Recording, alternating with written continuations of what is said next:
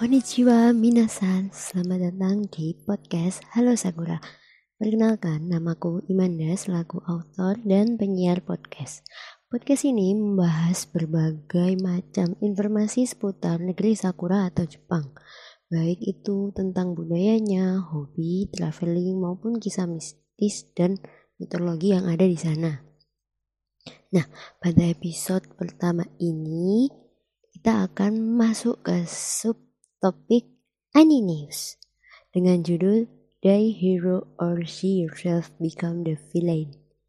Dari judulnya ada yang bisa nebak gak nih film anime apa yang bakal aku bahas? Film anime ini tuh sedang panas-panasnya diperbincangkan dan banyak ditunggu oleh para penggemarnya karena rilisnya, kabarnya rilisnya season ini tuh adalah season terakhir yaitu season keempat ini dari anime. Ya, animenya adalah Attack on Titan atau Shingeki no Kyojin. Nah, buat yang belum tahu apa itu Shingeki no Kyojin, aku, aku jelasin sedikit ya tentang apa itu anime Attack on Titan atau Shingeki no Kyojin. Shingeki no Kyojin merupakan salah satu seri manga Jepang yang merupakan karya dari penulis Hajime Ishiyama yang pertama kali diterbitkan pada tahun 2019. Shingeki no Kyojin atau yang lebih akrab di kalangan para otaku dengan istilah SNK merupakan salah satu manga yang menyajikan intrik pertarungan antara manusia dengan ras Kyojin atau Titan. Nah, ada yang tahu nggak apa itu Titan? Titan itu adalah sebuah sebutan untuk makhluk raksasa bipedal yang menjadi antagonis utama dalam kisah Attack on Titan. Semua Titan berukuran lebih besar dari manusia, namun dengan ukuran yang bervariasi antara individu. Titan terkecil diketahui hanya memiliki sekitar sekitar 3 meter, tinggi sekitar 3 meter. Namun Titan terbesar memiliki tinggi yang mencapai 60 meter atau bisa disebut Titan kolosal. Secara umum Titan memiliki fisik menyerupai manusia tanpa busana namun dengan beraneka ciri fisik yang tidak lazim. Mulai dari yang kepalanya besar, yang memiliki kaki lebih pendek daripada bagian atas tubuhnya hingga yang tubuhnya tidak tertutupi oleh kulit. Nah, pada Attack on Titan ini dikisahkan itu sebuah umat manusia tinggal di kota berdinding. Nah, pasca kemunculan para titan ini, populasi manusia mengalami penurunan tajam dan mereka yang masih selamat terpaksa membangun kota berdinding raksasa supaya bisa bertahan hidup dari titan-titan tersebut. Nah, tiga dinding ini ada tiga lapis yang menyusun kotanya itu. Yang pertama dinding Maria yang terletak paling luar. Yang kedua dinding Rus yang merupakan dinding lapis kedua. Dan kemudian dinding Sina yang melindungi kompleks ibu kota. Masing-masing dinding memiliki tinggi puluhan meter dan antar dinding dipisahkan oleh jarak ratusan kilometer. Di wilayah-wilayah yang terletak di antara dinding inilah umat manusia yang masih tersisa mendirikan kompleks pemukiman. Oke, karena tadi uh, informasi singkat, nah ini kita langsung masuk ke sinopsis season 1 aja ya. Nah, di season 1 ini itu dunia yang menjadi settingan Attack on Titan ini awalnya memiliki populasi manusia yang melimpah. Namun hal tersebut seketika berubah ketika makhluk raksasa bergigi dua bernama Titan ini menampakkan diri dan memakan setiap manusia yang mereka temui. Umat manusia mencoba melawan namun mereka bukanlah tandingan dari para Titan yang berjumlah banyak dan sulit dibunuh. Populasi manusia pun mengalami penurunan tajam dan manusia yang masih tersisa kemudian membangun kota yang dilindungi tiga lapis tembok tadi. Dibangunnya kota berdinding tersebut membuat umat manusia yang masih tersisa bisa bertahan hidup dari amukan Titan. Namun, 100 tahun kemudian, sebuah peristiwa besar terjadi. Titan kolosal setinggi puluhan meter menampakkan diri secara tiba-tiba dan menjebol tembok terluar dari kota ini. Nah, titan-titan lainnya yang berukuran lebih kecil lalu berkeliapan masuk ke dalam kota sehingga manusia terpaksa mengungsi ke balik tembok lapis kedua. Eren, Mikasa, dan Armin adalah tiga dari sekian banyak pengungsi tersebut. Eren menyimpan perasaan dendam luar biasa kepada para titan karena ibunya tewas dimakan oleh titan. Maka saat menginjak usia remaja, Eren yang ditemani oleh Mikasa dan Armin lalu bergabung dalam sekolah militer supaya memiliki kesempatan untuk membunuh para titan. Seusai menempuh pendidikan militernya, Eren lalu ditempatkan di tembok lapis kedua. Pada saat itulah Eren kembali bertemu Titan kolosal yang dulu menjebol tembok kota ketika Eren masih kecil. Kali ini Titan kolosal tersebut mendobrak tembok lapis kedua sehingga kota di bawahnya mulai diserbu oleh para Titan yang lebih kecil lagi. Para tentara yang sedang berada di dekat tembok mencoba menghentikan para Titan, namun gagal Nah, di tengah situasi genting inilah seorang titan misterius muncul dan mengalahkan titan-titan lainnya. Pas titan misterius ini berhasil menghabisi sejumlah titan yang menyerbu kota, titan misterius ini tuh jatuh tersungkur ke tanah dan menyembulkan sesosok Eren di tengkuknya. Dari situ pihak militer pun tahu kalau Eren memiliki kemampuan untuk berubah menjadi Titan sehingga mereka sempat mencoba membunuh Eren. Namun berkat intervensi seorang petinggi militer senior yang bernama Don Pixis, Eren tidak jadi dibunuh. Eren lalu belajar memanfaatkan kekuatan titannya untuk menuntut menutup lubang pada tembok lapis kedua sebelum kemudian ditempatkan dalam korps peninjau pimpinan Levi. Bersama dengan anggota korps peninjau lainnya, Eren dikirim untuk misi di luar kota berdinding di mana mereka kemudian bertemu dengan titan wanita yang jauh lebih lincah dan lebih jeli daripada titan kebanyakan. Pos peninjau lalu memikat Titan wanita tersebut ke dalam hutan untuk menjebaknya di sana. Rencana tersebut berhasil, namun wujud manusia dari sang Titan wanita berhasil melarikan diri berkat bantuan Titan-Titan lainnya.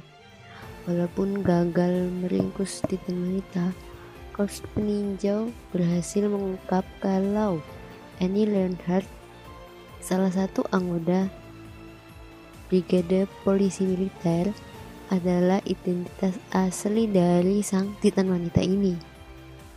Nah, maka dengan berkedok kunjungan ke ibu kota, Eren dan kawan-kawannya lalu mencoba menangkap Annie. Sayangnya, Annie berhasil mengendus jalan tersebut dan ia pun mengubah dirinya menjadi titan wanita.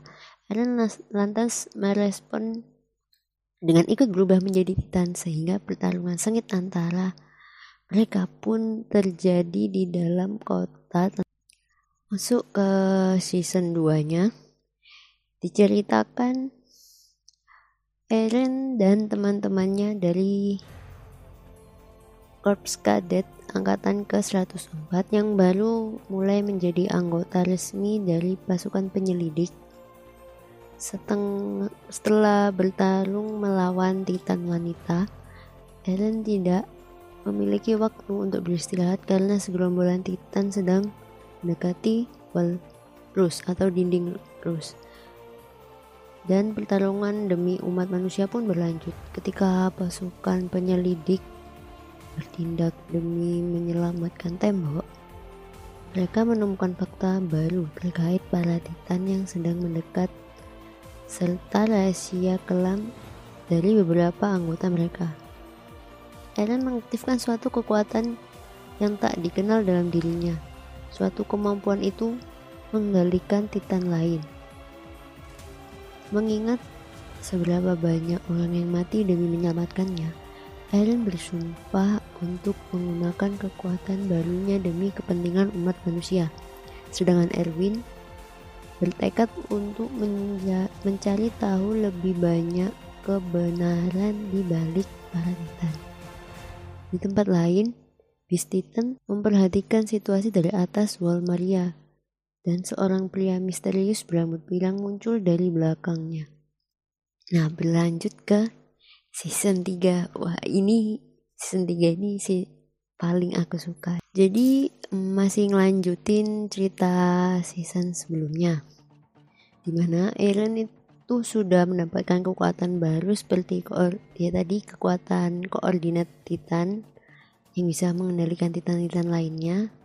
Lalu penyamaran Ymir Bertolt Reiner juga sudah terungkap. Dan fakta menarik kalau umat manusia itu adalah Titan juga sudah terungkap dan munculnya bis Titan juga. Nah di musim ketiga ini banyak kejutan dan fakta gila lainnya yang ngebuat aku kegilangan sendiri saking kerennya. Namun di season ketiga ini gak hanya melulu soal Titan aja sih. Beragam konflik lainnya dan Ceritanya sendiri juga cukup berat dibanding dua musim sebelumnya. Di season 3 part 1, ceritanya lebih ke kudeta, di mana manusia melawan manusia lainnya untuk mendapatkan kebenaran yang mutlak, bukan hoax yang diatur pemerintahan. Dan di season 3 per 2 balik lagi seperti awal yaitu perang besar-besaran antara manusia melawan titan. Kedua part ini memiliki keseruan masing-masing kalau menurutku sih oke di part satu dulu nih part satu ini mengungkap konsep politik kerajaan politik korup pengkhianatan keturunan dan konflik manusia lainnya musim ketiga part satu ini lebih seperti cerita kerajaan Game of Thrones kalau kalian tahu gimana tahta diperebutkan untuk mendapat kebebasan. Cuma lebih simpel aja sih di sini. Tapi kalau dibilang rumit ya tetap rumit aja sih. Terlalu banyak cerita dan fakta masa lalu jadinya bener-bener komplikasi. Belum lagi masa lalu masing-masing karakternya diungkap di sini. Ya kayak masa lalu la, masa lalunya Levi, Kenny, Historia dan banyak lagi lah karakter lainnya. Dan di season 3 part 2 ini gak kalah kerennya sih dengan part satunya. Kalau aku lebih suka ke part 2 nya. Bukan karena di part 2 mereka melawan Titan lagi sih, tapi karena perlawanan di sini tuh bener-bener epic menurutku. Jadi di sini Titan dan manusia itu sama-sama bertarung habis-habisan. Titan dengan pasukannya dipimpin oleh Beast Titan dan manusia dengan pasukannya dipimpin oleh Erwin. Dilihat dari sisi logika, manusia pasti kalah melawan para Titan ini. Tapi siapa sangka ya kan? Nah, gak cuma sampai peperangan itu aja di sini kita juga diberikan fakta dan twist-twist lainnya fakta yang bikin aku kesel dengan umat manusia dan twist yang bener-bener aku gak pernah kepikiran ceritanya pokoknya komplikasi abis di sini di musim ketiga ini nih. Yang paling kusuka soalnya Levi tuh dapat spot banyak. Ya. Ya siapalah yang nggak tahu ini babang keren. Wah terbadas kalau udah ngelawan Titan. Dia Nah, jadi buat fans-fans live ini pasti sangat bahagia nih ngeliat yang musim ini. Belum lagi Levi mengeluarkan mode marahnya ini. Terus perpaduan antara mode marah Levi sama visual yang disuguhkan benar-benar wow keren asli keren keren. pertempuran Kenny versus Levi juga bikin merinding keseruannya. Di musim ini juga banyak karakter baru masuk dan karakter lama yang mati. Oke, skip langsung ke spoiler season 4. Ya. Season 4 atau the final season dari Attack on Titan itu telah terungkap bahwa musim keempat dan terakhir ini akan tayang perdana pada tanggal 7 Desember di Jepang dan akhir tahun ini di Crunchyroll. Sesuai dengan trailer yang sempat dirilis pada Juni lalu, final season atau season keempat Attack on Titan akan mengikuti cerita asli di manga yang dimulai pada chapter 91 di mana cerita akan langsung di skip di time skip selama 4 tahun. Setelah Eren dan Survey Corps berhasil melihat lautan di akhir season 3. Season ini akan berfokus pada Marley yang sedang berperang melawan aliansi Timur Tengah. Di saat itu, kita akan ditunjukkan oleh beberapa karakter baru, seperti Gaby, Falco, Pick, Magat, dan masih banyak lagi. Awal cerita akan diceritakan sebuah dunia di luar dinding yakni bernama Marley. Benua Marley maksudnya, ya. Dan akan ditunjukkan kehidupan di camp Eldia yakni Liberio. Tentu yang patut di nanti adalah penyerbuan Survey Corp ke Liberio di mana Eren akan menghadapi para Titan Marley seperti Warhammer Titan dan Chow Titan. Sesuai trailer yang beredar, core pertama kemungkinan itu akan mengadaptasi cerita hingga pertarungan di distrik Shigansina di mana Eren berhasil memasuki dunia Pat dan bertemu dengan Ymir Fritz Di situlah akan diceritakan masa lalu dan asal-usul kekuatan Titan serta bangsa Eldia. Karena manga Attack on Titan masih belum tamat juga, kemungkinan besar core pertama sebanyak 12-13 episode akan mengadaptasi hingga awal Eren mendapatkan kekuatan founding Titan. Manga Attack on Titan sendiri telah memasuki chapter 133 yang rilis pada 9 Oktober kemarin. Di, ma di manganya, after arts terakhir dari seri ini itu beda dari yang telah terjadi sebelumnya. Situasinya menjadi lebih intens untuk sisa-sisa terakhir umat manusia di mana Eren dan Titans melanjutkan perjalanan mereka ke seluruh dunia membawa kehancuran di belakang mereka. Eren di sini tuh secara resmi telah disatukan sebagai antagonis. Terakhir di seri ini ya. Awalnya hero, dia kok jadi antagonis nih. Gimana nih? Sehingga lah di sini ini menjadi pertanyaan, gimana semua akan berakhir mengingat dia adalah hambatan terakhir untuk akhir yang berpotensi, akhir yang berpotensi bahagia. Nah ini dipertanyakan, ini bakal happy ending apa enggak? Terus lebih lanjutnya bisa kita pantau terus web anime streaming bisa di Crunchyroll atau web resmi lainnya. Dan terima kasih buat pendengar yang sudah mau mendengarkan podcast Hai Sakura episode pertama ini. Ya mohon maaf apabila ada salah kata. Sampai jumpa di episode-episode berikutnya dan dengan topik-topik menarik dan seru lainnya. Sayonara.